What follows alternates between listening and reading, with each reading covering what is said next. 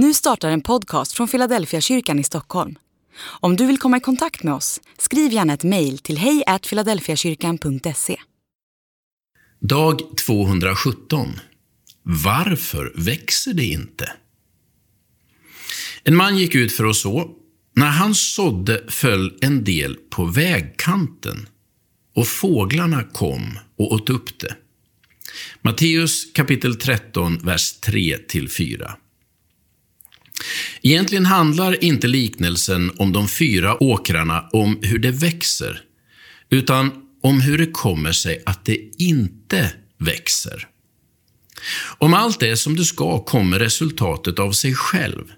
Men erfarenheten säger att det inte alltid kommer en skörd, trots att det har varit en riklig sådd. Vad är felet? Det är vad Jesus försöker adressera i denna liknelse. Det första han talar om är vägkanten, där ordet blir liggande på den hårt tilltrampade ytan. Av de tre problemområden som Jesus tar upp så tror jag att detta är ett av de vanligaste idag.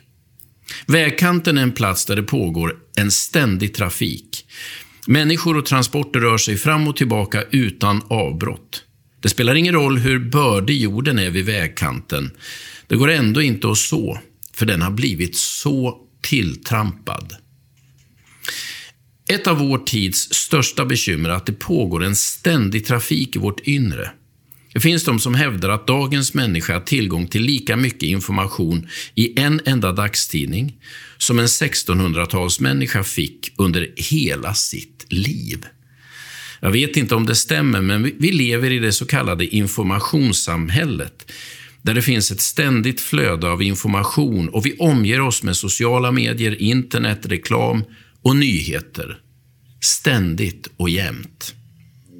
Risken är att vårt ömtåliga inre blir som en vägkant, tillplattat och ihoptryckt av allt och alla som färdas genom vårt hjärta. Löper du risk att bli en vägkant? Pågår det för mycket tung trafik genom ditt inre? Finns det något du kan stänga av, låta bli eller skjuta upp?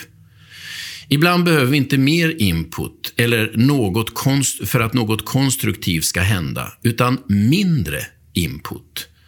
Ibland behöver ditt inre bara lugn och ro för att bli mottagligt för det Gud vill plantera.